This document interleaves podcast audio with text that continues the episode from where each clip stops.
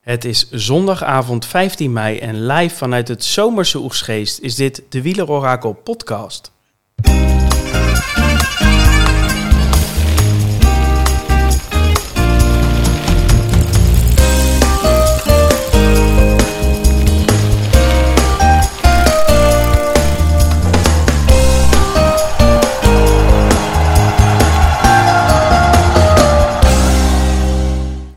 Zo, daar zijn we weer, Thomas. Recht tegenover mij. Ja, we mogen weer. We mogen weer. Een weekje, weekje Giro achter de rug. Hoe voelt dat? Ja, voelt wel goed. Maar ik kijk ook wel heel erg uit naar de, naar de komende weken die er nog aan zitten te komen. Ja, vandaag smaakte wel naar meer, hè? Zo, dit was wel een eh, ritje om je, om je vingers bij af te likken, zeg maar. Dit was, eh, Dat is een mooie afsluiter van, eh, van week 1. ja, zeker. En eh, we, hebben, we hebben nog iemand eh, in, onze, in onze podcast line-up. En dat is Daniel, Stadsontcycling. Welkom. Goed- Goedenavond, hi. Heb jij een beetje genoten? Ja, dat is, eh, waren leuke, leuke etappes de eerste week. En, eh, vandaag gingen alle kaarten op tafel en eh, werd er volgens mij wel veel duidelijk over hoe de verhoudingen een beetje zijn rondom de klassementsmannen. Dus het was een dag om echt van te genieten. Ja, daar gaan we ook uitgebreid op, op terugkijken. Maar niet voordat ik weer wat mooie stellingen voor jullie heb. Graag kort eh, ja-nee en dan eh, gaan we ze daarna bespreken. Ehm er komt de eerste. Thomas eerst, daarna Daniel. Ik stel Simon Yates nooit meer op in een wielerpoeltje. Eh moet even kijken hoe je die nou stelt. ik, ik, ik stel hem denk nooit meer op, nee. Ik ik stel hem ook nooit meer op. Stelling 2. Dit is een Giro voor senioren. Nee. Ja, Stelling 3. Nederland heeft alles, behalve een stel goede klassementsrenners. Nee. nee. Nou, dan kunnen we even terugpakken op de eerste. Simon Yates, jongens. Jongen, ai, ai, jongen, ai, jongen. ai, ai, ai, ai. Ja, echt. We hebben het er natuurlijk over gehad eh, in Utrecht. Van wat we nou dachten van Simon Yates. Zeker na, die heeft natuurlijk een paar van die wisselende etappes gehad in, eh, in zijn voorbereidingskoers. Nou ja, echt heel positief verrast eh, in de tijdrit. Echt een hele goede Mhm. tijdrit. Winst, hè, voor wie het Ja, niet gezien nee, heeft. winst, zeker. Simon Yates ja. wint een tijdrit. Ja, voor, ja, voor Dumoulin, voor Van der Poel. eh, alle Nederlandse glorie eh, teniet gedaan door Simon Yates. Maar ja, dan valt hij weer. Of dan had hij weer die dag naar de Etna. Hè, dan had hij wat moeite. En dan kwam hij alweer als laatste van het favoriete groepje binnen. En dan begint het alweer een beetje ergens in mijn hoofd van... Nou, hè, zal het toch weer zo zijn, net niet zijn voor Simon? Ja, en dan vandaag, ja... Dan zegt hij het ook weer, hè. ik ben niet, ben niet, helemaal, ik ben niet helemaal 100%. En eh, dan denk je van, ja, het zal wel. Ja, Maar toch, Ja, maar dat hij vandaag ook weer... Hè, dan, hij heeft dus last van zijn knie. Hè, voor de mensen die dat niet... eh, ja, hij is gevallen of iets. Ik heb het zelf niet gezien. Ik weet niet of jullie het gezien Hmm. hebben of dat het überhaupt in beeld was. Nou, het is in die, eh, in die etappe waar eh, Miguel Angel Lopez, hè, nog zo'n eh, fijne figuur, eh, dat die afstapte. Daar waren aan het begin van de etappe wat valpartijen. En op een gegeven moment zag je beeld dat alleen maar Yates alleen bij die, bij die eh, dokterswagen was. En toen werd wel duidelijk dat hij, dat hij, eh, hij is uiteindelijk naar eigen zeggen van achter aangereden door iemand. Hij wist niet door wie, maar hij, had wel, ja, was een beetje boos op die persoon. En toen is hij met zijn knie op de stoeprand gevallen. Ja, nou ja, dat is, dat is sowieso niet lekker. En ik denk dat het ook met een aardig gangetje was. Dus ik kan me voorstellen dat je daar last van hebt. Maar ja, dan weet je weer niet, want daarna hadden we wat dagen dat hij wat kon herstellen. Dus je wist niet echt hoe het ervoor stond. Maar ja, Ja, er zijn- er zijn weinig renners die zo'n inzinking kunnen krijgen als Simon Yates. ja, zo. Het is echt alles of niets met die man, hè? En gaat hij hem uitrijden? Ja, ik denk het niet. Ik denk dat hij eh, na, eh, na vandaag... Ik, misschien stapt hij niet eens meer op. Nou ja, en dan, wat gaat hij, eh, wat gaat hij nu eh, doen de rest van het seizoen? Vissen? Hier en daar wat etappes, etappes proberen te winnen? Of? Ja, nou ja, dat, dat kan natuurlijk wel prima. Hij heeft de Tour ook wel een keer dat hij voor etappes ging. Toen won hij twee volgens mij. Ehm, ja, Mhm. Hij heeft de Vuelta ook al een keer, eh, een keer gewonnen volgens mij. Dus eh, er zijn nog wel doelen. Alleen ja, dit zal wel even eh, een terugslag zijn voor eh, Simon. Had je hem in je pool, Simon? Simon en de Giro. Huh? Ja, ja, ik had hem zeker in mijn pool. Jij, Daniel? Ja, Skopman volgens mij. Oh, vandaag. ja, dat, dat durfde ik al niet aan eigenlijk. Maar ja, er zijn wel, weet je, het is ook wel gewoon weer. Hij, hij rijdt natuurlijk wel zijn tijd wel heel goed. En als hij echt goed is, dan rijdt hij ook alles op een hoop vaak bergop. Alleen ja, er zitten van dit soort momenten bij. En Ja. dat is heel irritant voor eh, in, in die poeltjes. Het is heel irritant, want ook weer voor de Giro was natuurlijk ook eh, één etappe wint hij glansrijk. Tweede etappe wordt hij op 11, 12 minuten gereden. Derde etappe wint hij. Dat is echt... Ja, dat, dat is typisch Simon Yates. En dan, en dan vandaag geeft hij een interview zegt hij, ja, ik had een beetje last van mijn knie. En, ik, ja, en dat vond ik ook zo merkwaardig. Ja, ik kan niet goed tegen de hitte. Of ik vond het heet. Ja, als ik op zondagmiddag op het voetbalveld loop, dan heb ik ook wel eens last van die hitte. Maar goed, dan, dan denk ik van ja, dat, dat moet je dan misschien niet altijd doen. Maar hij, is, hij wil klassementen rijden in, eh, in de grote rondes. En je gaat mij niet vertellen dat, weet je, in de, in, in de Tour is het ook altijd wel eens heet. En in de Vuelta is het ook 40 heet. Nee. Dus dat vind ik, ja, dat was dan wel dat ik dacht, dat is weer zo'n Yates-excuus. en dat, ja, nou ja, als, eh, ik ben wel iemand die hem vaak in mijn pools heeft, moet ik ook zeggen. Dus het is misschien wat, eh, het is misschien wat frustratie hier, maar ik vind dat dan, ik baal daar toch wel weer van. Ja, maar als hij, als hij goed is, dan, dan wint hij ook heel groot of zo. hè. Zo'n tijd dit ook. Dan, ja, dan, dan sta je gewoon met verbazing te kijken. De manier waarop hij eh, de rest eigenlijk eh, op een hoop rijdt. En dan heb je heeft hij in die etappes ook altijd met die venijnige punch. Dan maakt hij echt grote indruk. Dus eh, ja, elke keer denk je weer van... eh, nou, hier kun je niet omheen. Deze, gaat, eh, deze keer gaat hij echt eh Giro winnen. Ja. Maar ja, A- Alles of niks, keer. Simon Yates. Hey, tweede stelling was, dit is een Giro voor senioren. Thomas? Ja, ik zei van niet, maar kijk, we hebben natuurlijk een, nu eigenlijk al heel lang hebben we een, eh, iemand die meedoet in het jongere klassement hebben we in de roze trui. Eh, daarnaast eh, Lopez. Lopez, Mm. eh, Juan Pi.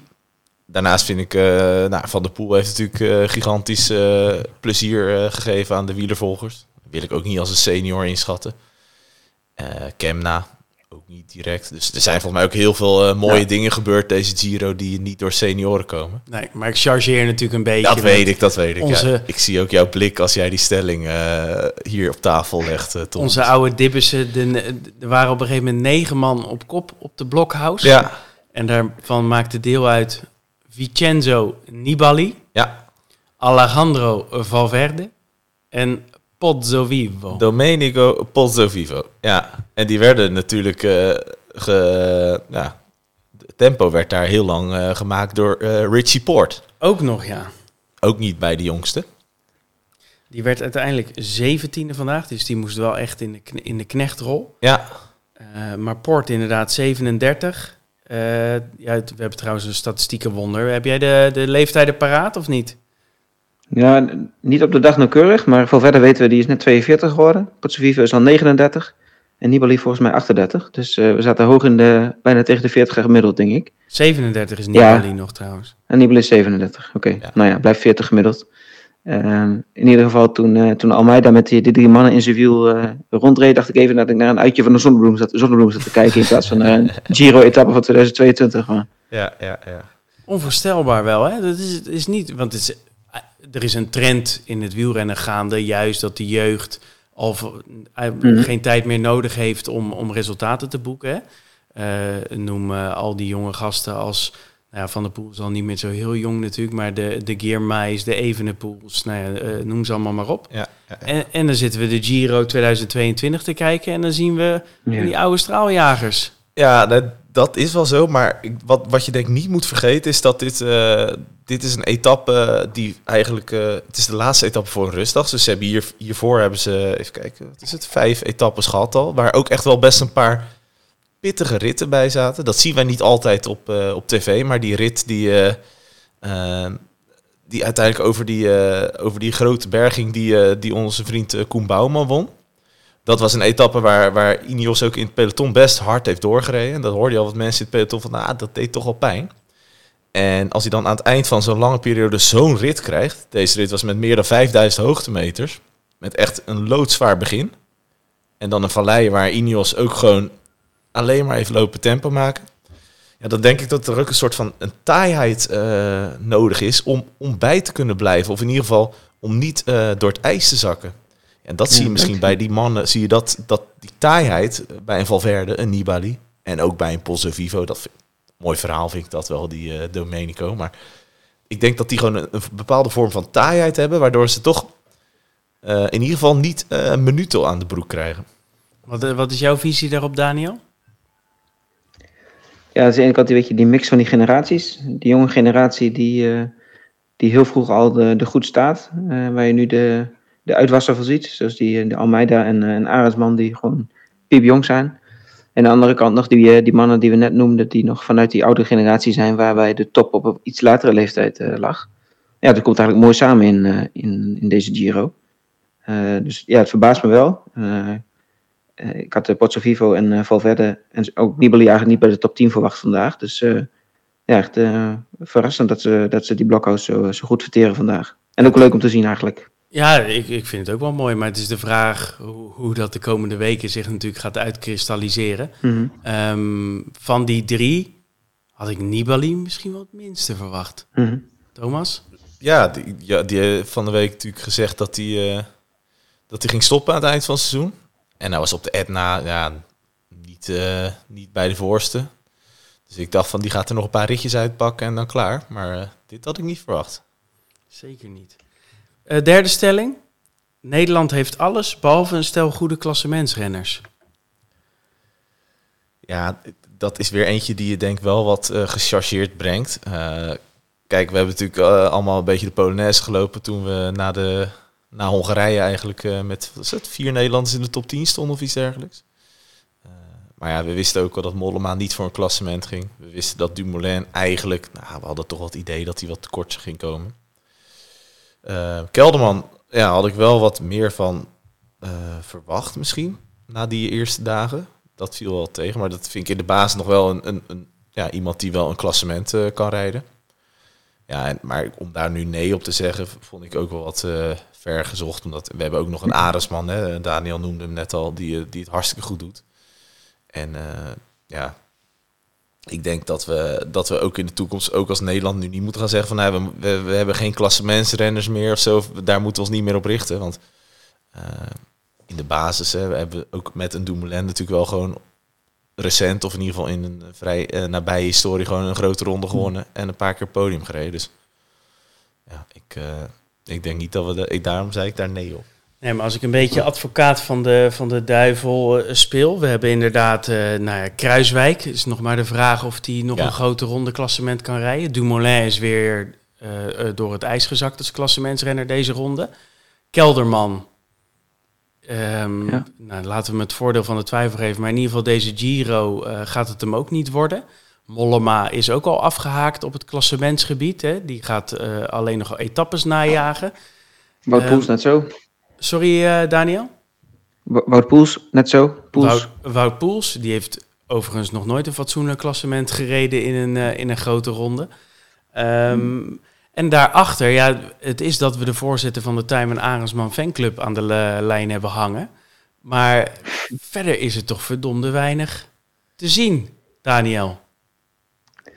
Ja, dat klopt. Ik zei ook nee, net als uh, Thomas, omdat ik uh, nou ook uh, in, de, in de chauvinistische hoek zit en denk van nou we hebben flink wat, flink wat klassementsrenners die recent toch nog wel goede prestaties hebben laten zien in de grote, zowel, zowel in de grote ronde als in de grotere eendags klassementen. Ik bedoel niet de afgelopen jaar, maar de jaren daarvoor. Hè. En ze fietsen nog, dus niet per se uh, een Kelderman en een uh, Dumoulin al helemaal afgeschreven voor die, voor die klassementen. Dus we hebben zeker nog goede klassementsrenners, maar domineren zoals we bij, bij de sprints en in het klassieke werk doen op het moment, dat ben ik met je eens Tom, dat doen we nu niet in de grote ronde klassementen. Ja, en daar doe ik natuurlijk ook een beetje op. Zeker, ja. Wat verdikken, wat, doen, wat zijn we lekker aan het sprinten? De, de wilde die we hebben, zeg maar, op andere vlakken, die, ja, die uh, zie je niet bij, bij de klassementen. En dat, daar heb je gelijk in. Want uh, om maar even door te pakken, in Hongarije deze week. Uh, de, de Giro was nog niet weg uit, uit mm. Budapest, Hongarije. Of de ronde van Hongarije, die, die ving aan. Um, en dat was ook een Nederlands glorie uh, in de sprint. Hè? Twee keer Jacobsen. Het begon nog met een overwinning, een hele mooie overwinning, denk ik, van Olaf Kooi. Uh, het grootste sprinttalent dat we hebben. En Groenewegen, die dacht ik top hem nog even af om, om ook te laten zien dat ik er nog ben. Dat is toch wel, ja, op sprintgebied zijn we, nou, zijn we misschien wel het grootste land op het moment, Daniel. Ja, ja, het is ongelooflijk. Die, die mannen die pakken alle, alle sprintetappes pakken, pakken de renners. Er zijn drie verschillende. Dus, ja, dat is echt grote wilde. Ik zit ook een beetje te denken welke andere landen hebben nog, meerdere, nog meer, meerdere goede sprinters. Um, je, hebt, uh, je hebt België natuurlijk met Philipsen en Melier, die uh, echt twee topsprinters hebben. Maar uh, zo'n zo'n brede sprinttop zoals in Nederland nu is, die, die zie je bij andere landen niet. Dus het is eigenlijk hoopje van de ploegen dat ze een beetje de mensen op de verschillende wedstrijden gaan, gaan opstellen. Zodat je zoveel mogelijk zegens weet te pakken. Maar goed, die duels, Groenewegen-Jacobsen, nog een leuk statistiekje trouwens. De eerste keer dat ze weer allebei in de top 10 eindigen in een etappe waar ze allebei aan meedoen. Dat is wel, wel goed, om, goed om te zien. Eigenlijk de duel ja, waar we een beetje op zitten te wachten natuurlijk. Dus dat is echt, uh, echt een wilde voor het Nederlandse sprinten, ja. Het is eigenlijk wel, wel jammer dat deze duels dan in de ronde van Hongarije worden uitgevochten, hè? Ja. ja. Nou ja, de Tour, daar staan ze natuurlijk allebei aan de start, hè? zowel, ja, nou ja, laten we ervan uitgaan ja, dat Jacobsen mag. Ja, uh, en, uh, en Groenewegen is al, uh, is al bevestigd. Ja. Kooi. ja, daar doelde ik ook meer op. Ga ik van, niet vanuit. Dat ik denk van, oké, okay, dan kom je met, natuurlijk, Jumbo-Visma, die, ze, hebben, ze wil duidelijk voor het klassement gaan. Maar ja, ik vind het wel zonde, zeg maar. Als je, er zijn gewoon echt een paar goede sprintkansen hier in de Giro aanwezig. En voor zo jong als Olaf Kooi. Ja, dan zou je zeggen, dat is toch juist hartstikke lekker om daar een keer ervaring op te doen. En je, Desnoods stapt hij na, na de tweede week uit of iets dergelijks. Als het te zwaar is qua belasting. Maar ja, ik vond, vond het wel jammer dat hij niet. Want ik ben wel heel benieuwd hoe hij zich uh, verhoudt tot uh, bijvoorbeeld een De Maar, uh, Girmay, Gaviria, dat soort jongens. Ja, achteraf. Ik, weet, ik, snel, ik, ik, kan natuurlijk niet in de, in de plannen van Jumbo Visma kijken en de Mitsen en Maren die ze hadden. Maar achteraf, 13 dagen Olaf Kooi in de Giro had prima gekund als hij dat ook in, in Hongarije kan. Um, maar goed. Blokhuis vandaag. Man, wat een, wat een rit. Uh, Daniel, heb jij, heb jij gekeken? Ja, het, we hadden eerst het familieuitje. We zijn vandaag zeven jaar getrouwd, Lilian en ik. Dus ah, we hadden even... Gefeliciteerd hoor, Gefeliciteerd. Waar kunnen de bloemen heen? Dan kunnen al onze volgers ja. kunnen, kunnen je een bloemetje sturen. Ja, doe maar naar uh, de Calvariestraat in Kampen, dan, uh, dan komen ze wel goed terecht. Maar, uh, dus we hadden eerst een gezinsuitje en even naar de kinderboerderij geweest. Maar ja, ik was op tijd thuis om Blokhuis nog mee te pakken. Dus de laatste 15 kilometer heb ik Kijk, gezien. Prioriteiten waren op orde, Daniel. Bereid je maar ja, voor op Stroma. Felicitaties van onze luisteraars dan. zeven na, jaar na, zeven jaar, na zeven jaar kun je daar goede afspraken over maken. Hè? Dus gelukkig was, dat, was dat goed de worden zo. Ja. Fijn, maar je hebt wel gekeken dus. Ja, het is echt, uh, ja, we schakelen eigenlijk precies op het goede moment in. Uh, Dumoulin was al weg natuurlijk, maar uh, ik zag, zag Sam Omen nog daar aanbungelen en daarna lossen. En eigenlijk was ik een beetje op zoek naar, naar Kelderman. Dat was wel de grootste verrassing voor mij. Ik had op Twitter wel wat gelezen dat hij lekker band had gehad, maar ja, blijkbaar was hij niet weer teruggekomen in het peloton. En ja, niemand die ook maar iets zei over waar Kelderman zat op dat moment. Commentatoren wisten het ook niet echt goed te vermelden. Dus ik dacht, oh, er zaten nog drie Bora's bij, daar zou hij misschien wel bij zitten.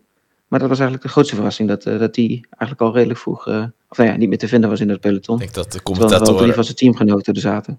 Commentatoren misschien ook nog even op zoek waren naar, uh, naar Van Zevenand, Mauri van Zevenand. Dat, ja. dat Jeroen van Bellegem nog even aan het kijken was of hij toch niet misschien het witte trui kon veroveren. die ene etappe toch. Echt gewoon helemaal uitgerekend wie nou nog bedreiging waren voor Van Zevenand. Nou, dat was mooi. Dat was een grapje.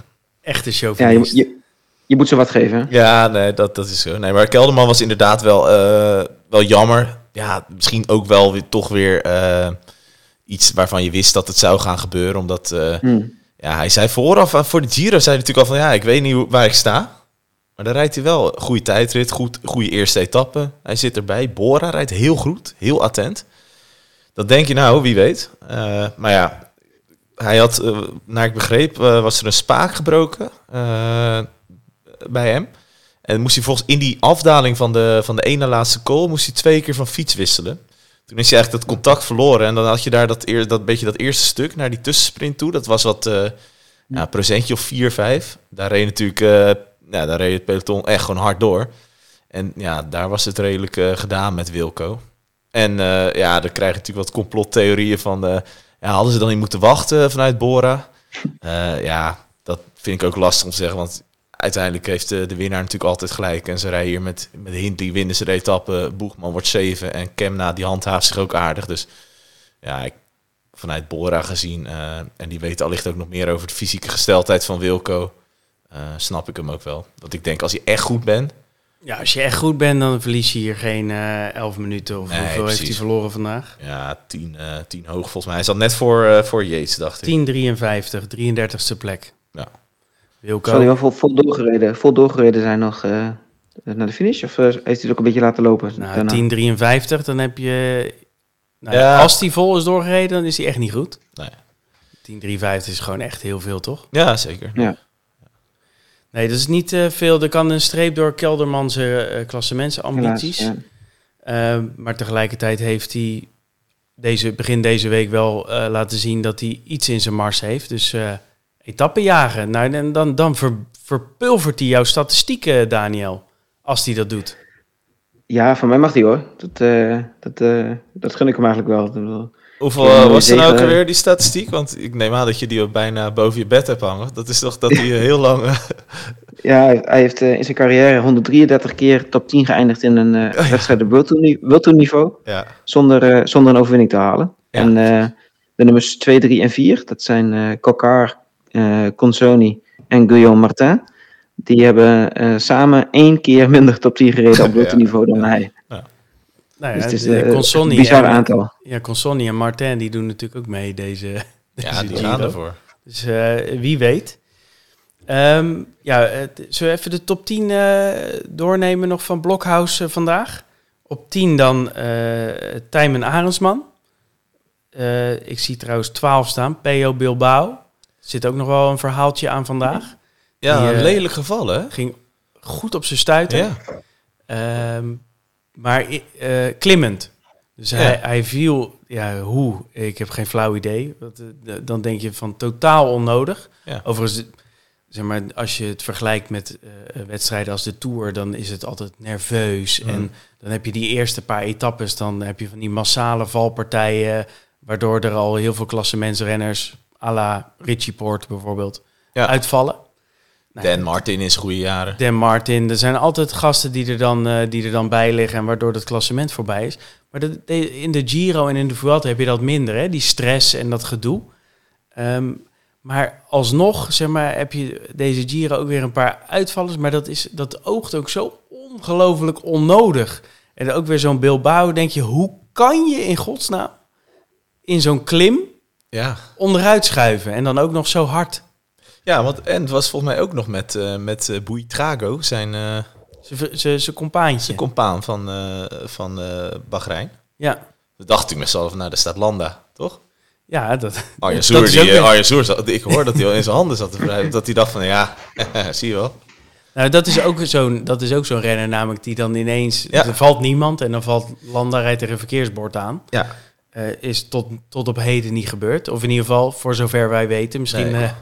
Blokhuis naar beneden. Dat, had, dat zou nog kunnen. Ja. Eh, maar Bilbao was ook goed in vorm. Natuurlijk ook al, voor de Giro Ja. al uitstekend in vorm. En ook deze Giro was hij sterk. Maar die is wel flink gebutst. Uiteindelijk toch nog twaalfde geworden. Wat ik nog best wel knap vond of vind. Ja, Als, je hem, eh, als je hem zag rijden. nee, dat is ook wel zo. Want dat is, eh, eh, we beginnen straks bij top 10. Maar eh, je hebt op, eh, op 11 heb je Guillaume Martin. Die was met Bilbao op eh, 1.08. Dan heb je Jan Hiert op 13, 1.39. Fortunato op 1.42. En eh gewoon Pedro Lopez, uh, Rostruidaar op 1.46. Die is 15e. Mhm.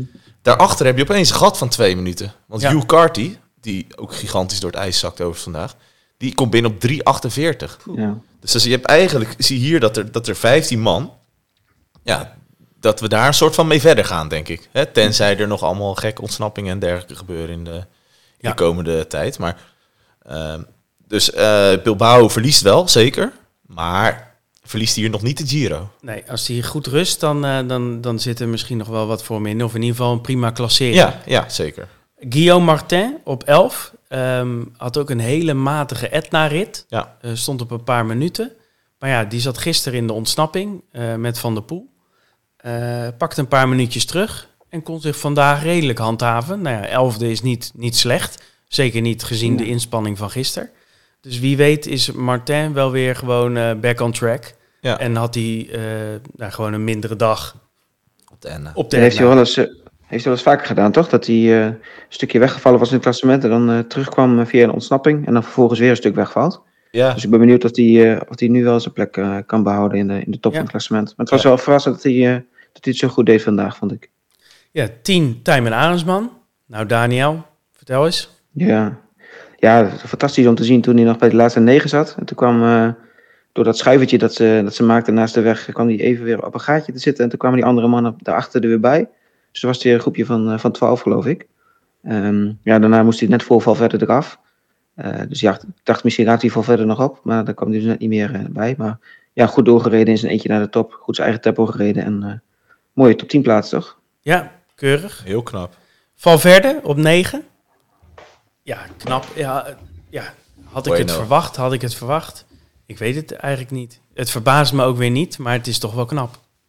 Thomas? Ja, in, de, in deze Giro had ik het niet direct eh, verwacht. Eh, maar knap dat hij wel gewoon eh, blijft strijden en gewoon top 10 binnenhaalt. Omdat zijn eh compaan Sosa, die zakte er natuurlijk wel een beetje doorheen. Ja, Sosa 20ste vandaag op 4.34. Ja, precies. Dus eh nou, vooraf zeiden ze van Sosa is onze kopman. Dat kan nu wel eens anders zijn, denk ik. Misschien dat ze daar... toch weer de kopman hè, van Movistar. Ja, dat is toch heel bijzonder, ja. Je verwacht het niet. hè? 8, Nibali. Ja, dat is voor mij toch wel... Nou, er zitten wel meer verrassingen in trouwens. Eén van de drie verrassingen, laat ik het zo zeggen. Ja, Oh, man. nee, dat, is, eh, dat blijft een, eh, een fenomeen wat dat betreft. Hij verliest een half minuutje. Want op een gegeven moment liep ze natuurlijk een beetje te, te Hannessen vooraan. Toen zag je weer dat, eh dat Astana-tricootje, zag je daar weer zo stiekem zo dichterbij komen. Dus eh, nee, knappe rit, absoluut. 7, Emanuel Boegman. Wie had hem nog een stuiver gegeven? Ja, nee, die, eh, de, dit hele seizoen was het nog niet heel, eh, heel veel soeps, om eh, mooi te zeggen. Nou, de afgelopen twee, drie Ja. seizoenen was het helemaal ruk met Boegman. Nou ja, voor ons ook niet zo, niet zo best, nee.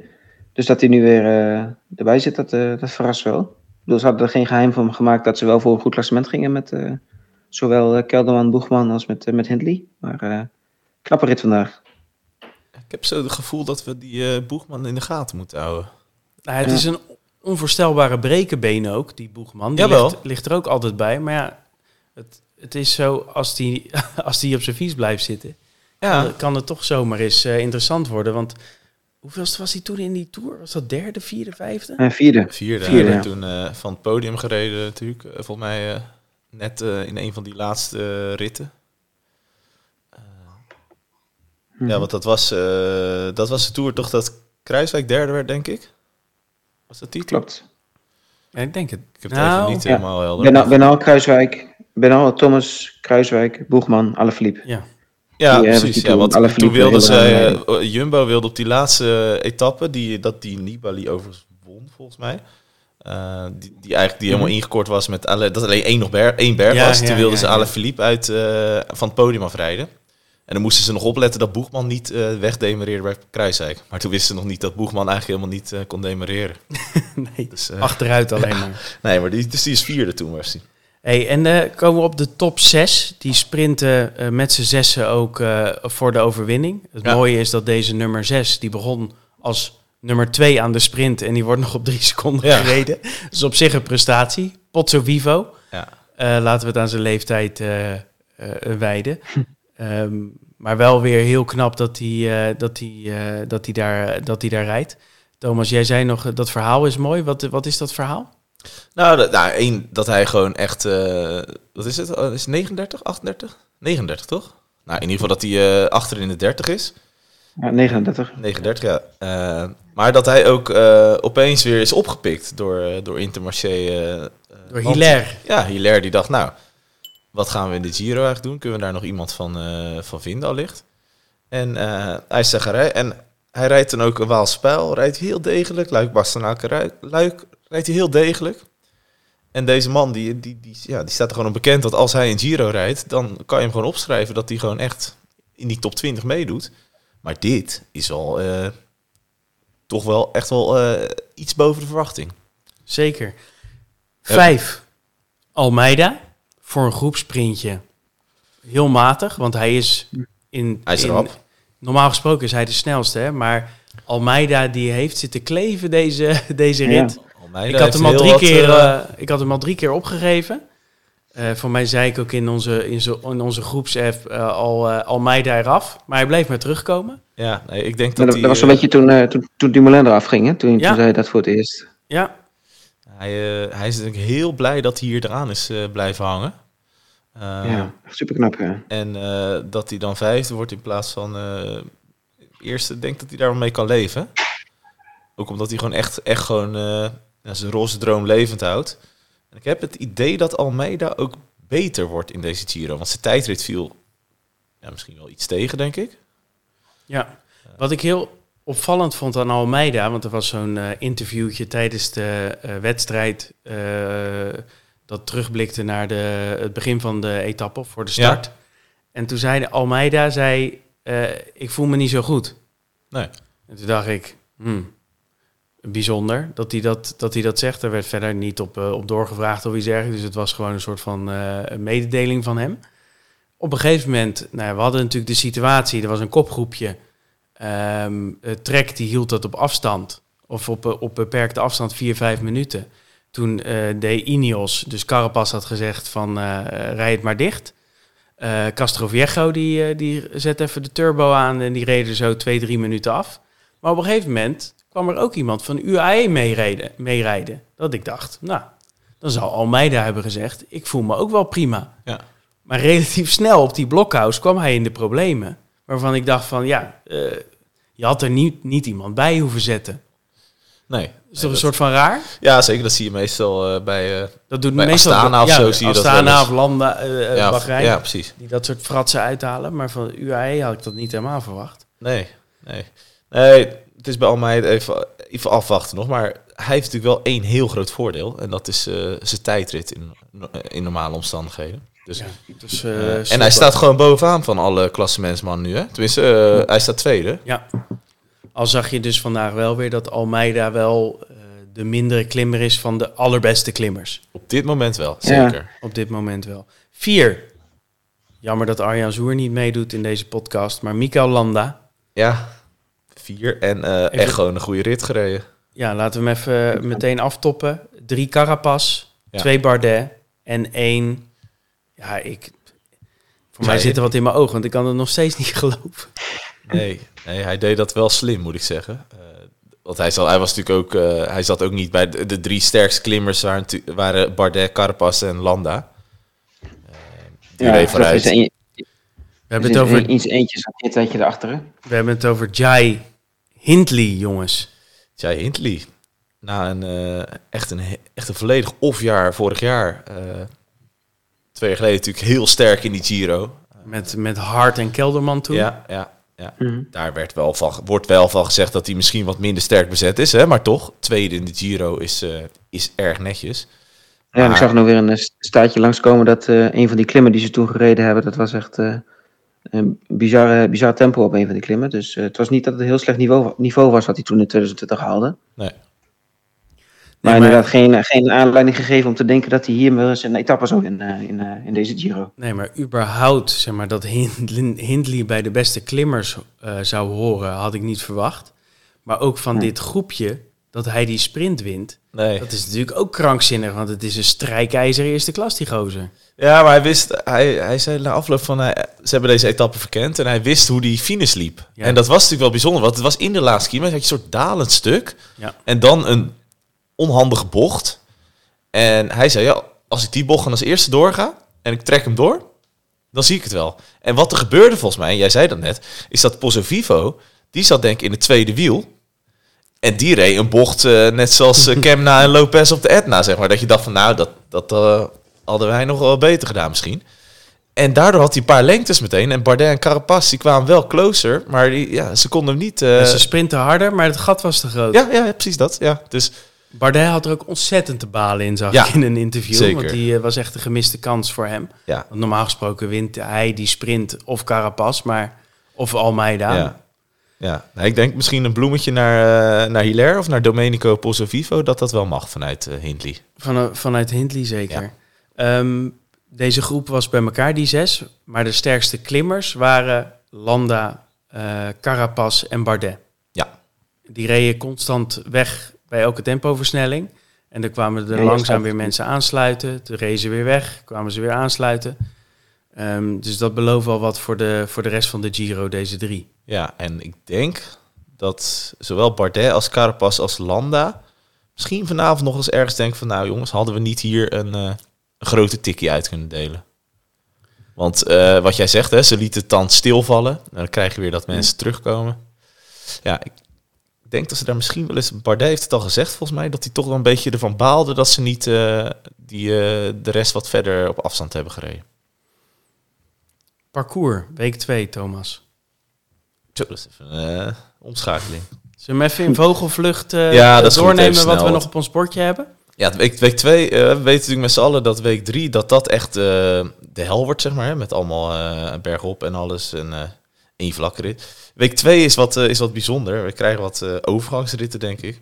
Waarbij ik persoonlijk verwacht dat niet heel veel van het klassement gebeurt in de eerste etappes.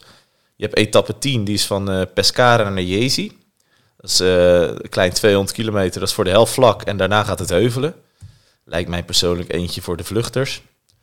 Dan heb je rit 11, dat is de biljart, eh, het biljartlaken waar we het eerder over hadden. Eh 200 kilometer, eh, volledig vlak, geen één bergje. Dus daar kunnen Cavendish en Ewan, die vandaag binnen de tijd zijn gefinished, die kunnen daar hun hart ophalen.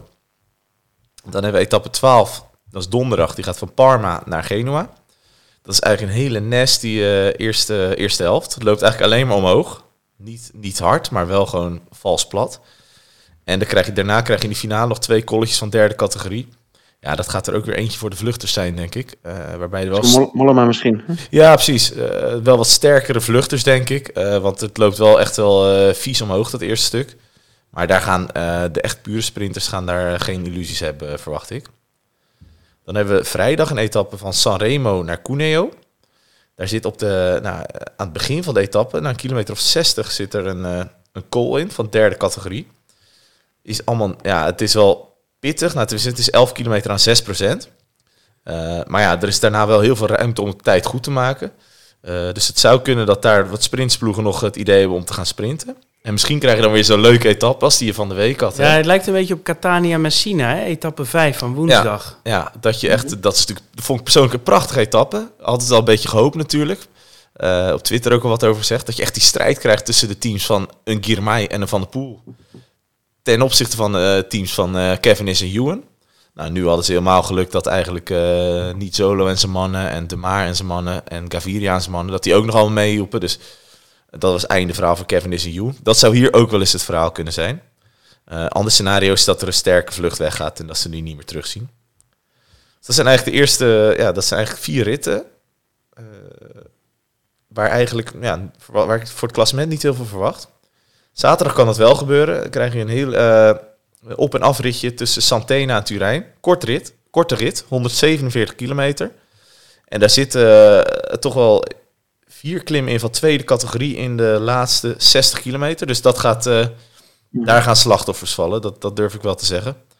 Eh, het is de vraag of het een strijd wordt op twee fronten. Hè? Of dat je een sterke kopgroep krijgt waaruit de etappenwinnaar komt. En dan daarachter wat strijd tussen de klassementsmannen.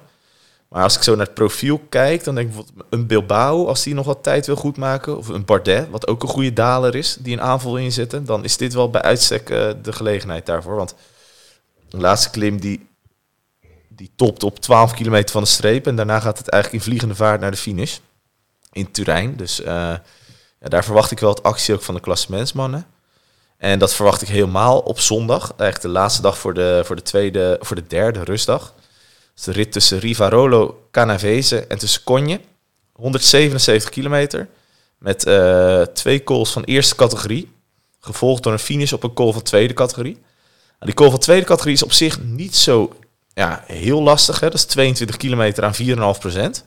Maar wel in de wetenschap dat ze daarvoor eh, twee van de eerste categorie hebben gehad. En dat, zijn er, dat is eentje van 12 kilometer aan 7 procent.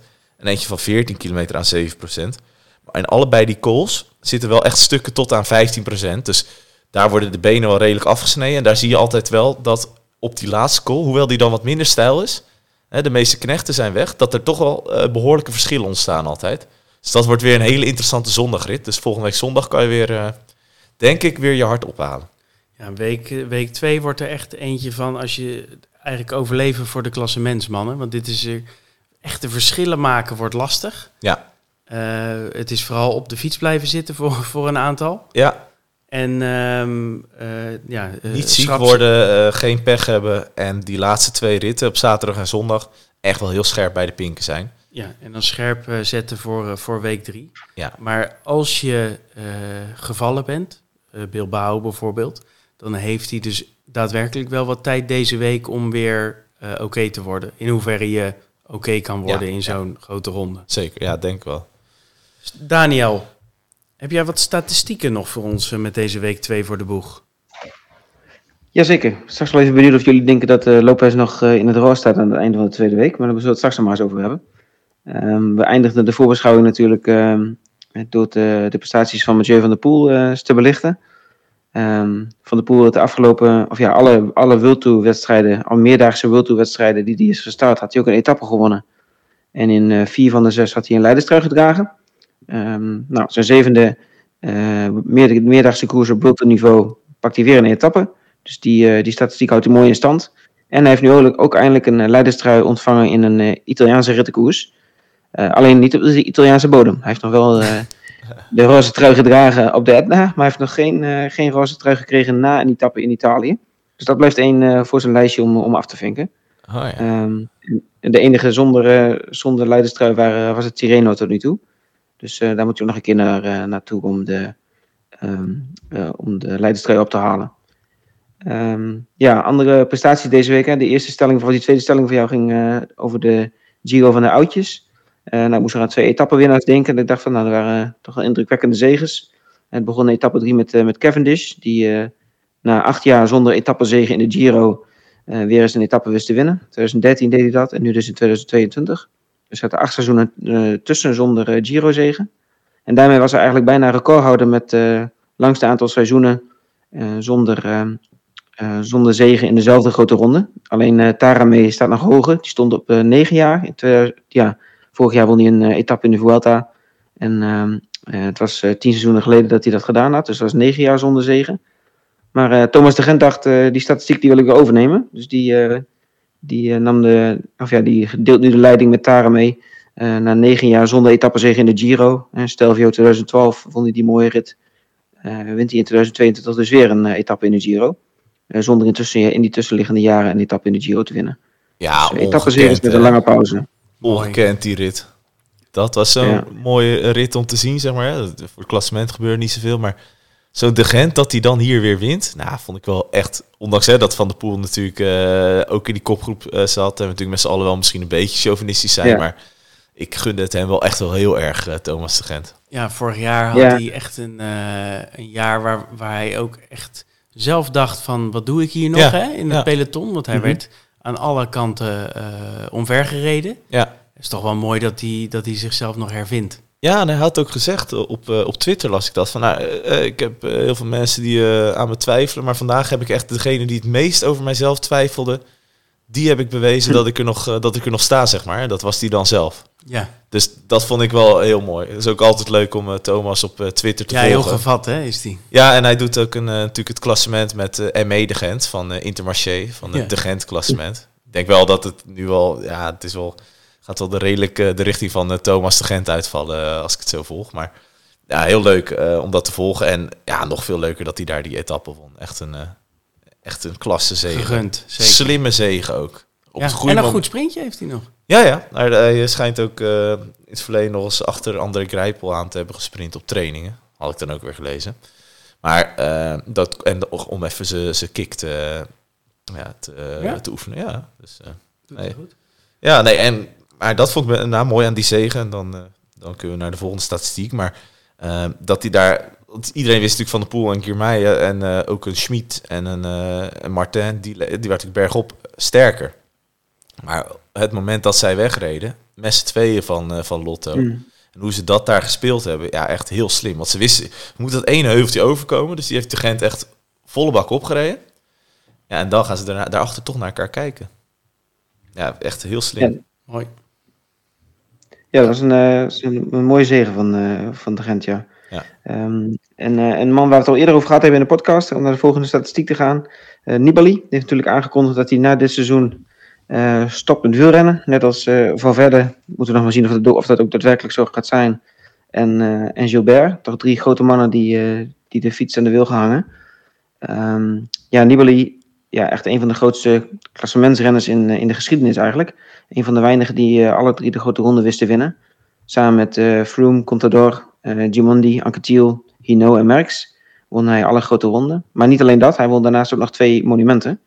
En dat is eh, ja, behalve eh, door Nibali ook gepresteerd door Merckx, die ook alle monumenten won. Dus daar komt echt niemand in de buurt. Nee. Hino en Gimondi die allebei drie verschillende monumenten won. Nibali die, die dan twee won en Anquetil die één monument op zijn naam schreef. Dus hij staat echt tussen, de, tussen de grote en de aarde met zijn, met zijn prestaties in de allerbelangrijkste wedstrijden. Eh, ja, er zijn nog veel meer klassementjes waar hij aan de leiding staat. Ik zal er even één uitpakken.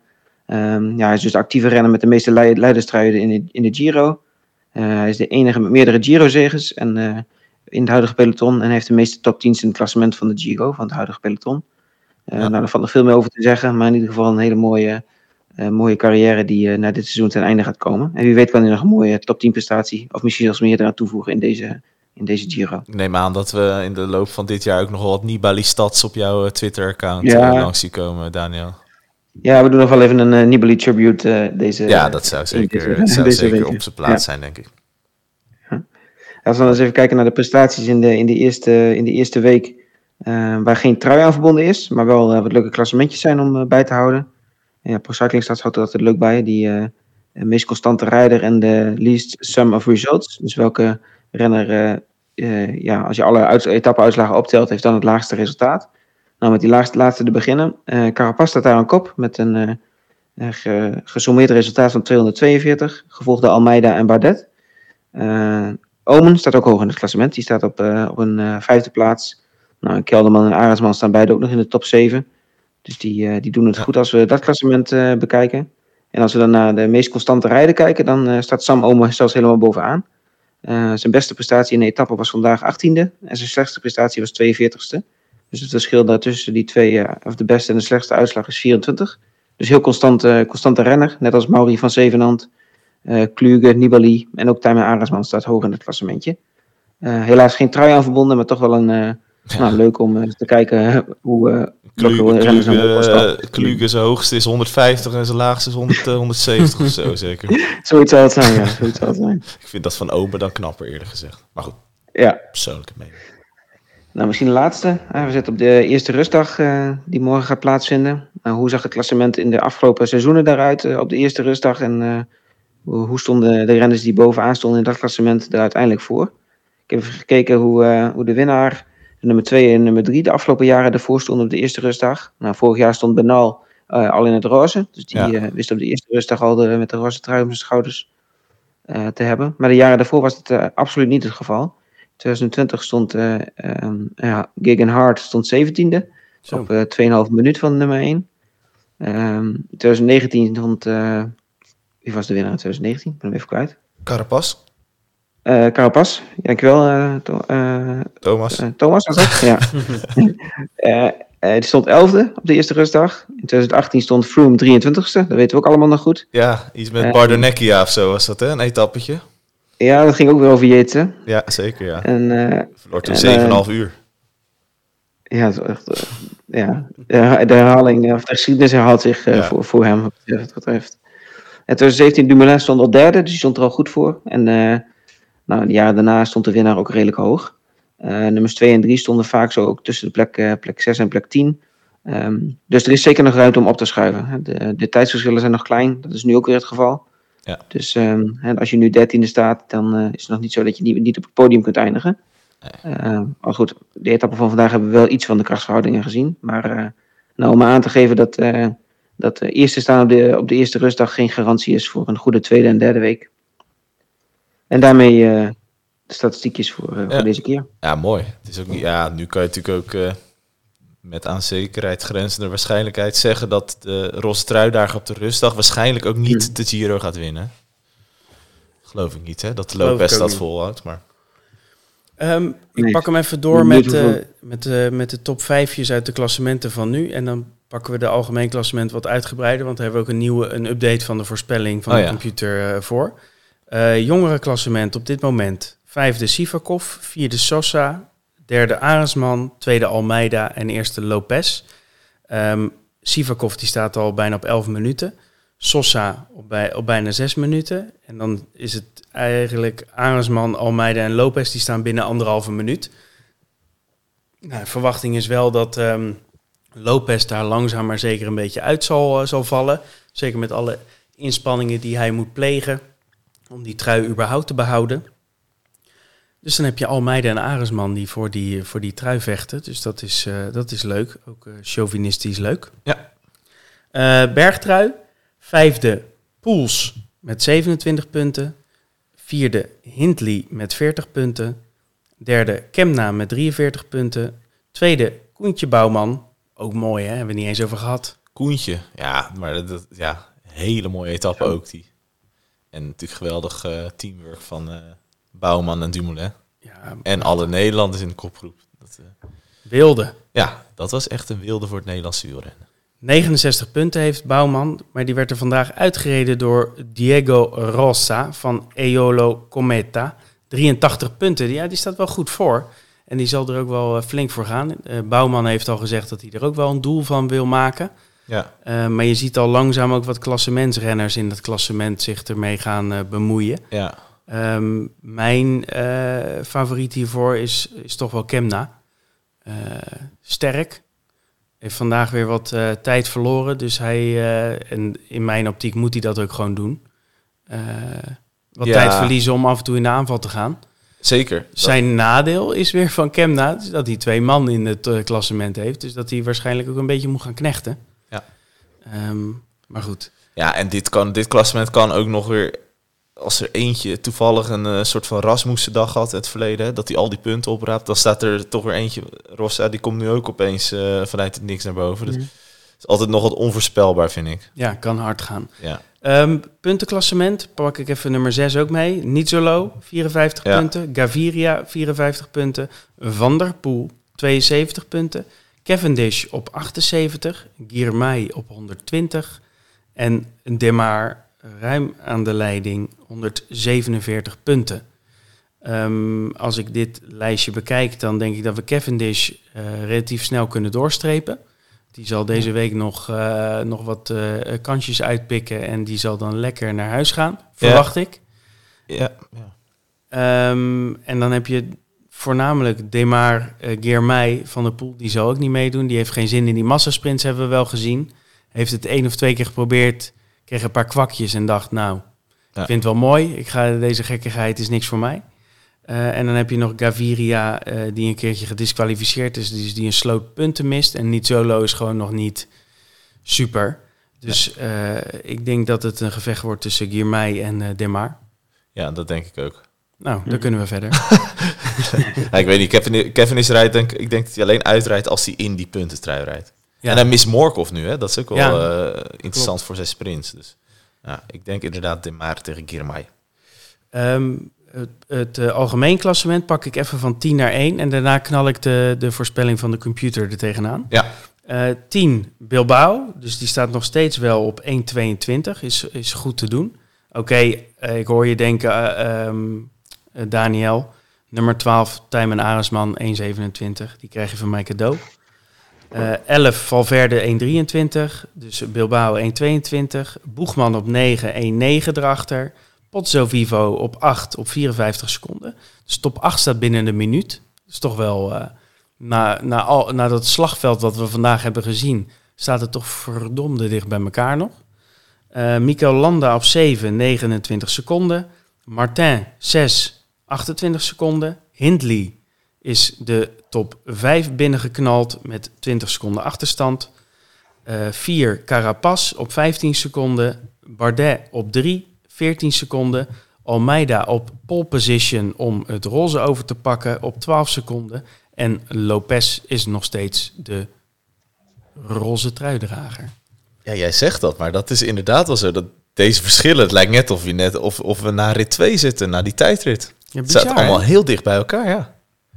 Ja. Eigenlijk, ja, er zijn natuurlijk een aantal gelijk gefinist. En eh, ja, zo'n eh, Lopez en ook Martin, ja, die, die, die, komen, die komen net aan de tussen gerekend, zeg maar, hè, met die, die tijd die ze hebben gepakt. Maar ja, het is nog, er is in dit opzicht nog niks beslist. Zeker niet. Ehm, Arjan Zoer heeft zijn computer vanavond ook aangeslingerd. En ehm, daar komt de volgende top 10 uit. Zoals het er nu voor staat, na week 1. Dus alle eh, data is ingeladen. Eh, Lopez staat op 10. Laten we het eh, de Juan Pedro, hè? Want Ja. Miguel Angel, die, die zit alweer in de trein naar huis. Ehm, op 9 Pozzo Vivo. Op 8 Alejandro Valverde. Op 7 Guillaume Martin. Op 6 Peo Bilbao. Op 5 Jai Hindley. Op 4 Mikel Landa. Op 3 Romain Bardet. Op 2 João Almeida. En op 1 Richard Carapaz. is toch wel anders natuurlijk dan, dan dat we net hebben voorgelezen bij de algemeen klassement Ja, zoals ja. die nu is. Maar je ziet wel dat natuurlijk de Hindleys en de Pozzo Vivo's en de Lopez'en wel eh, eh, gestegen zijn ten opzichte van natuurlijk hoe het vooraf was. Ja. Ja, nog je, Carapaz als favoriet. Ja, je mist hier eh, natuurlijk ten opzichte van eh, de voorspelling voorafgaand aan Giro, mist hier eh, Simon Yates natuurlijk. Eh, daar hebben we het over gehad. Wat je vooral ziet, en dat zie je ook in de expected win, hè, dat de percentages echt nog heel erg dicht bij elkaar liggen. Ja, het is echt dicht bij elkaar, 13%, 13%, 12, 11, 10, 10, 8. Dus hè, wat dat betreft is de computer is ook nog niet helemaal eruit, zeg maar. Nee, Nee. van- vanaf eh Pozzo Vivo, die, die zit dan op 2,9 te- 2,9% Ja, expected win. Ja. En eh, Lopez, die zit op 2,7%. Maar daarboven, Valverde, die maakt 7,8%. Ja. En Carapaz 12,8%. ja, dat is een klein verschil. Ja, dus dat, dat- correspondeert natuurlijk weer met eh, de, de Kleine verschillen. Ja, ja, momenteel zeker. in het klassement. Dus we denken, na zo'n blokhuis denk je dat alles een soort van in, eh, In de plooi ligt. in de plooi ligt. Maar eigenlijk alles behalve. Ja, ja, wat je nog wel, en dat is misschien. Carapaz komt hier als eerste uit. En ik weet ook niet, dat zit volgens mij niet hier in deze voorspelling. Maar eh, als, ook het team Ineos vandaag, echt heel sterk. Hè? Daar Zo. hebben we nog niet genoemd. Maar die rijden daar wel echt even, eh, zowel in de vallei als op die klim. Zij zorgen voor, zij maken de verschillen, zeg maar. Dat, Ja. ja, Die Tullet ja, sterk. een hele sterke jonge kerel. En Poort is natuurlijk ook fantastisch. Ja, het enige waar ik wel aan zat te denken... Ze zetten hier echt wel alle ballen op Carapaz nu, hè? Door, Ja, Poort, alles. door Poort gewoon echt eh, zichzelf eh de Ja, vernielingen te laten aangegeven? Dat hij misschien niet helemaal top is en dat hij dan... Ja, dat zou kunnen. Maar dan maak je als ploeg nog steeds de keuze om Poort helemaal... eh, ja, hij kan ook nog wat langer aanklampen, zeg maar. Als hij gaat aanklampen, dan verliest hij niet de tijd die hij nu verliest. Nee, Dat vond ik wel eentje waarvan ik dacht, nou, Ineos... ehm, Het is wel alle ballen op Carapaz, ja. met twee man in het klassement. Want je ziet nu eh, eh, Bora en eh, DSM hebben natuurlijk twee man in het klassement nog staan. Eh eh, Bahrein ook, met Landa en Bilbao. Dat Ja. kan in het spel nog wel iets gaan eh, teweeg gaan brengen. Misschien in het spel tussen de, eh, tussen de ploegen. Maar goed, dat, dat is het enige kanttekening die ik maak. Want voor de rest vond ik ze echt een heel sterk eh, optreden afleveren, Ineos. Jij, eh, Daniel? Ja, nee, zeker. Ik eh, ik denk ook wel dat. eh, ik had gedacht dat Poort ook meer zou, eh, zou meerijden en aanklampen. En, ja, om dat te zeggen dat hij slecht in vorm is, dat, dat durf ik ook niet helemaal aan. Want die beurt die hij op kop doet, nou, dat was echt, echt wel indrukwekkend. Dus ik denk, ik denk dat hij heel ver had kunnen komen als hij, als hij wat meer had meegereden. Maar ja, ze maken die keuze om, eh om Carapaz uit te spelen vandaag. Ja, het pakt redelijk goed uit. Misschien niet zoals ze gedacht hadden. Maar ja, het is, het is een risico. Ehm Carapaz heeft natuurlijk wel, eh, al laten zien dat hij een grote ronde kan winnen. Dus het is niet helemaal ongegrond eh, dat, ze, dat ze Carapaz echt, eh, echt uitspelen. Maar ja, een aantal blokken daarachter met, met DSM en Bahrein die, die nog wat kunnen gaan, gaan proberen om, om met het team te wat... ja, en Bora, om met, met het team wat uit te spelen. Ja, het kan ze nog wel eens... ze kunnen nog wel een flinke uitdaging voor, de kiezer krijgen. Ehm, dus ja, ze hebben veel, veel vertrouwen in, in Carapaz. En we gaan zien of dat, eh, of dat terecht is. Hey, eh, ik, zit, eh, ik heb het documentje voor me met onze tips die we vooraf hebben gegeven hè, voor dat Scorito-spel. Ja, ja. De, de must-haves, de don't-haves en de wanna-haves. Zullen we even op de pijnbank gaan of niet? Ja, laat maar ja, doen. laten we doen. Ehm, we laten Arjan nog heel even buiten beschouwen. want Ja. Die kunnen we ook wel flink roosteren. Ja, maar die heeft wel hele goede must-haves. Ja, de must-haves. Even om die te pakken. Arjan had Almeida, Carapaz en Van der Poel. Valt weinig van te zeggen. Ja. Doen het op zich allemaal prima. Almeida valt lichtjes tegen tot nu toe. Ja, maar die maar zit nog steeds in de running. Daniel, Bardet, Van der Poel en Ewan had je als must-haves. Nou, Ewan is natuurlijk gênant. Hoe heb je dat in godsnaam? Ewan? Ja, als hij de eerste etappe gewoon op zijn fiets blijft zitten, wordt hij netjes derde en eh, spreken we nergens meer over, denk ik. Ja, Ja. oké. Nee, die is eh, ook in je Scorito-poeltje is dat... eh, Dat is een dure. Dat is een dure. Ja, Ja. Ehm, Thomas, Almeida, De Maar en Maar ik weet niet welke Almeida, welke Almeida Thomas daar gepakt heeft, dat telt niet natuurlijk. hè? José, ja. die- Oh, ja, dat is een eh, eh, typo, denk ik. Ja, een er typo. staat José- José, in de- José in de Almeida. staat er, dat, dat klopt niet allemaal. Je verre neef is dat toch? Die heet Ja, toch José? ja. Nee, Almeida, eh nou, daar waren we het net over. De Maar vind ik persoonlijk wel Ja, een, vind ik een net- vind ik een vind hele een goede must-have. Wat denk ik niet eh, heel veel mensen verwachten. die dat is die in daar, eh, spot on, is die. Ja. Walter is wat minder. Die had ik, eh, die had ik wel verwacht in Hongarije. Hoewel, ik wil Attila nog niet helemaal afschrijven, want hij zit er op zich nog wel, nou, eh, op momenten nog wel aardig bij. Maar eh, ik had wel iets meer van hem verwacht eh, dat hij ook in de eerste etappe al misschien een top Ja, 20 zou rijden. en, en dat hij dat hij het klassement niet rijdt, oké. Nee, Allah. een paar vluchten. Maar een vlucht. Ja, Mopatilla. Ik wil hem nog wel deze week even de kans geven. Want hij doet ook wel... Niet vergeten dat op het moment dat De Maar zegt... "Joh, ik wil sprinten, dan is ook Attila gewoon in het gelid natuurlijk. Ja. Eh, dus maar dat, dat is niet de beste must-have. Daar ben ik eens. Eh, ik zelf had eh, Martin, Ja, Van der Poel Ja. en Almeida. Ja. Martin. mm, moet het Ja. nog even gaan laten zien, denk ik. Kijk, het is dat hij anderhalf miljoen was, dus hij krijgt het voordeel van de twijfel. Ik had wel meer van hem verwacht zelf. ja. Ja. Je had hem natuurlijk gewoon opgesteld toen hij mee zat in die vlucht, toch? Of niet? Ja, nee, zeker niet. Zeker niet. Arjan, de don't haves. Nou, dit wordt een mooi rijtje, Ja. jongens. De don't haves van Arjan. Mikael Landa. Zit er tot nu toe goed bij. Ja. Jai Hindley. Het is zo makkelijk om nu Ja, Arjan eh, precies. uit te lachen. Maar eh, ik, eh, ik kon me volledig vinden in zijn don't have. Ja, zeker, Heel eerlijk ja. gezegd. En Nibali. Ja, Dus eh, hij heeft ze gejinxed. ja dat denk ze ik. doen ja. het onvoorstelbaar eh, goed, eh, de don't haves van Arjan. Ehm, Daniel, Verona is, nog ver, Verona is nog ver, hè? Dus er kan nog veel gebeuren. Zeker. dat is zo. Eh, Ja, ik had ook eh, Landa inderdaad ook eh, genoemd. En Landa- Ulissi. Ulissi en Marechko. Ja. Landa doet het tot nu toe goed. Ulissi, moi. Ja. Eh Marechko, die is al naar huis. Die zag de Etna en die dacht... Wegwezen. Ja. Heel wel, best, ja, wel best op Scorito nog best wel punten gehaald. Door die 10 punten en nog een keer vijfde. Maar goed, eh, ja. Thomas. Ja, ik had Boegman. En eh, moet ik wel zeggen, ik had Landa ook. Dat is meteen, dat zijn ook twee niet hele sterke. Boegman had ik ook, maar had ik echt niet verwacht dat hij vandaag erbij zou zitten. Dus, maar zowel bij Boegman als Landa, hè, drie weken op de fiets zitten, je weet niet. Maar eh, we gaan het zien. En ik had Bauhaus. Ja, dat, dat vind ik, Ja, vind ik op, op zich een prima don't have ja. tot nu toe. Ja, maar er zijn mensen die betere don't have hadden voorspeld.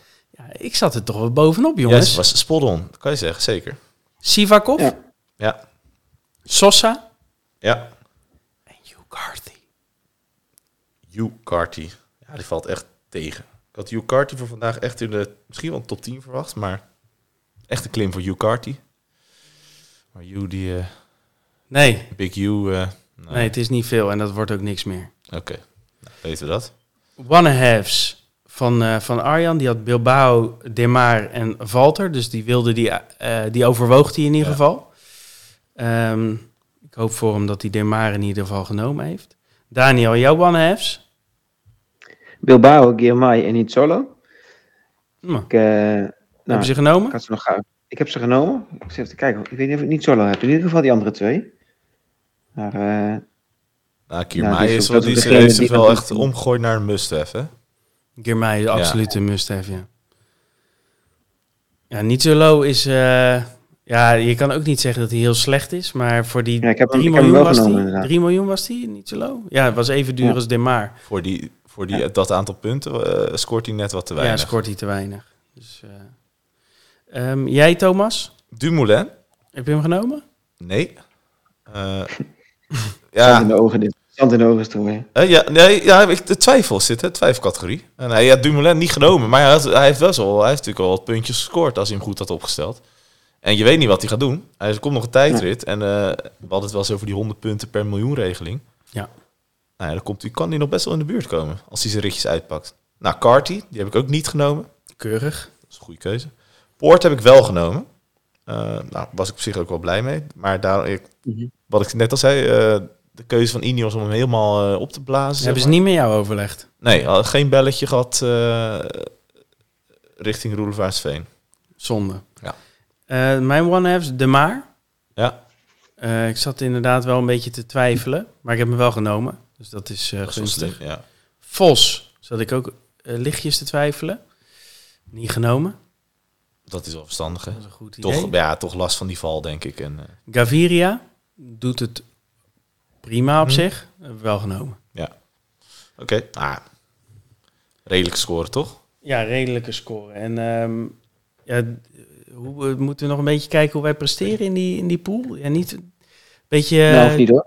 Ja, dat, dat is op zich prima. Kijk, we hebben ook, eh, voor de luisteraar, we hebben ook een, eh, een redactieklassementje. Moeten we die nog behandelen, jongens, of niet? Nou, ik heb zo het idee dat als jij hem wil behandelen, Tom, dat jij hoog staat. maar het is volgens mij, ligt er nog wel van alles open in onze pool. Nee, er ligt zeker nog, maar de hele Giro ligt Ja. in die zin. En onze, onze wielerorakelpool, even top 5 daarvan. Misschien leuk voor de luisteraars. de top 5 in de Want we kregen natuurlijk al iemand die zei van, "Oh, ik sta eerst en zo. Ja. En eh, wat krijg ik nu voor trui? Ja, de gouden trui zeker. Gouden trui, ja. 1872 man zitten er in de subleague. Dus Dat, is echt heel veel. Dat eh, zal ze maar te eten moeten geven, denk ik altijd. Nou, ze, zou, ze zou in je tuin staan. Ja. Nee, bij jou zou het wel kunnen, maar hier niet. nee, nee dat, ik, dat weet ik. denk bij Daniel wel. Of bij Arjan in ieder geval. Bij Arjan sowieso. Ja. Ehm, nummer 5. Ja, ik, eh, dit zijn de nicknames. Hè? Ja, als je eh, erop- als je erop drukt, plaats alvast een disclaimer. Ja, ja. Als je erop drukt, zie je de echte naam. Abel 120, en dat is Abel van Gemen. Die staat op 5. Ja. Nummer 4, onder de fantastische naam Toetsis Galacticos. Michael Toet. Ja. Nummer 3, Tour Dopage. Onder de naam Tour Dopage. Oh, ja, het zal dan niet zijn echte naam zijn, denk ik. Nee. Ja, dat kan niet hè, als je vals speelt. Nee, dat is... Eh, alles door oefening staat op 2, Ronald van Dijk. En de trotse nummer 1 op dit moment, FC Kluivert 36. Nog steeds. Ja, Menno Kolen, netjes. Ja, netjes, eh, Menno. Dus die zit, eh, die zit er goed op. En die had vandaag Carapaz, Captain, eh Chicone. Oeh, die Oeh. viel er hard doorheen. Het ook. viel er ook hard doorheen. Ja. Dus die, eh, die, Die is nog niet thuis. Nee, die is nog niet thuis. Nog niet thuis, onze Menno. Maar goed, leuk. Leuk dat we ook zoveel mensen in de groep hebben. Leuk dat we zoveel respons op, eh, op Twitter Ah, interactie op Twitter wil ik wel even zeggen, dat, dat is el fantastisch. Eh, als je ziet hoeveel eh, mensen er naar, naar de blogs kijken en de, vind ik ook leuk de vragen, de discussies die loskomen, zeg maar. Ja, dat, dat is iets van, daar doen we toch ook wel een beetje Ja, dus voor. het hè? Dat het grote is Ja, zeker, ja, dat. En het vooruitblikken en wat als dit en wat als dan. En de traditionele eh, ja, Valter, Gal of Arendsman eh, discussies, weet Ja. je wel. Nou, heerlijk. Ja, prachtig. En dan eh, het is ook mooi dat je dan eh, vaak eh, tweets terugkrijgt, zeg maar, die eh, twee, drie weken geleden dat je iets gezegd hebt. En het is- kan of negatief of Ja. positief zijn. Van, hé, hey, bedankt hè. Ja, dat, dat die Landa niet moest meenemen, weet je wel. Of, eh, of juist van, oh, eh, thanks, want ik sta nu bovenaan in de subpool. Er was toch iemand die Arjan Zoer vandaag nog een persoonlijke vraag had gesteld. Of hij nu blij was met de tip die hij had gegeven om Landa vooral niet te nemen. Ja, Ja, maar eh, ja, we hebben Arjan niet eh, eh, gesproken. geen, geen antwoord gezien van Arjan. Nee, we hebben geen ar- ge- antwoord van. Maar ik gok zomaar dat Arjan zou zeggen dat het nog een lange weg is naar. eh, nee, Ja. eh, Rome wilde ik zeggen. Maar Verona. het Is is het. Verona. Verona, Ja, ja, zeker. Ja, Dus, nou, mooi, dat- leuk. Maar dat is wel zo, hè. we hebben nog twee weken te gaan. Dus eh, ook in onze eigen subleak van de Wielorakel podcast redactie, Tom. Kan er nog van alles gebeuren. In principe zijn we er ook volgende week eh, zondagavond weer. Dus Ja. dan eh, blikken we weer terug op week 2. Kijken we vooruit op de slotweek. Gezellig. En ehm ik wil nog één rondje doen. Ja. Wie, eh, wie gaat hem winnen? Daniel. Ja, ik zag Alme- Almeida vandaag klimmen en steeds weer terugkomen op zijn eigen tempo. Ik ga voor Almeida. Thomas? Carapaz. Sterkste ploeg en eh, gaf echt een hele goede indruk vandaag. Ja, ik zie in principe ook niemand anders winnen dan Carapaz. Maar ik, ik ga Bardet zeggen. Ja, nou, het zou wel heel mooi zijn als hij wint, Bardet. Bardet is wel, zeg maar, zo goed als dat hij nu is, hebben we hem echt al jaren niet gezien. Nee. Nee, dat- En ehm, dat hij ook zo baalt dat hij die rit niet wint. Ja, ik, eh, ik zeg Bardet. Oké. Nou, Mooi. En eh, Arjan Soer die volgt dat computer, hè? Dus die zal ook Carapaz zeggen. Die zou Carapaz zeggen. Oké. Oké, leuk, eh, leuk weer dat je meedeed, eh, Daniel. Ja, was, was gezellig zo. Leuk. Ja, staat hij erop. Hij 10 staat uur. er weer op. 10 uur, ruim een uur. Veel plezier met de tweede week van de Giro. Tot later.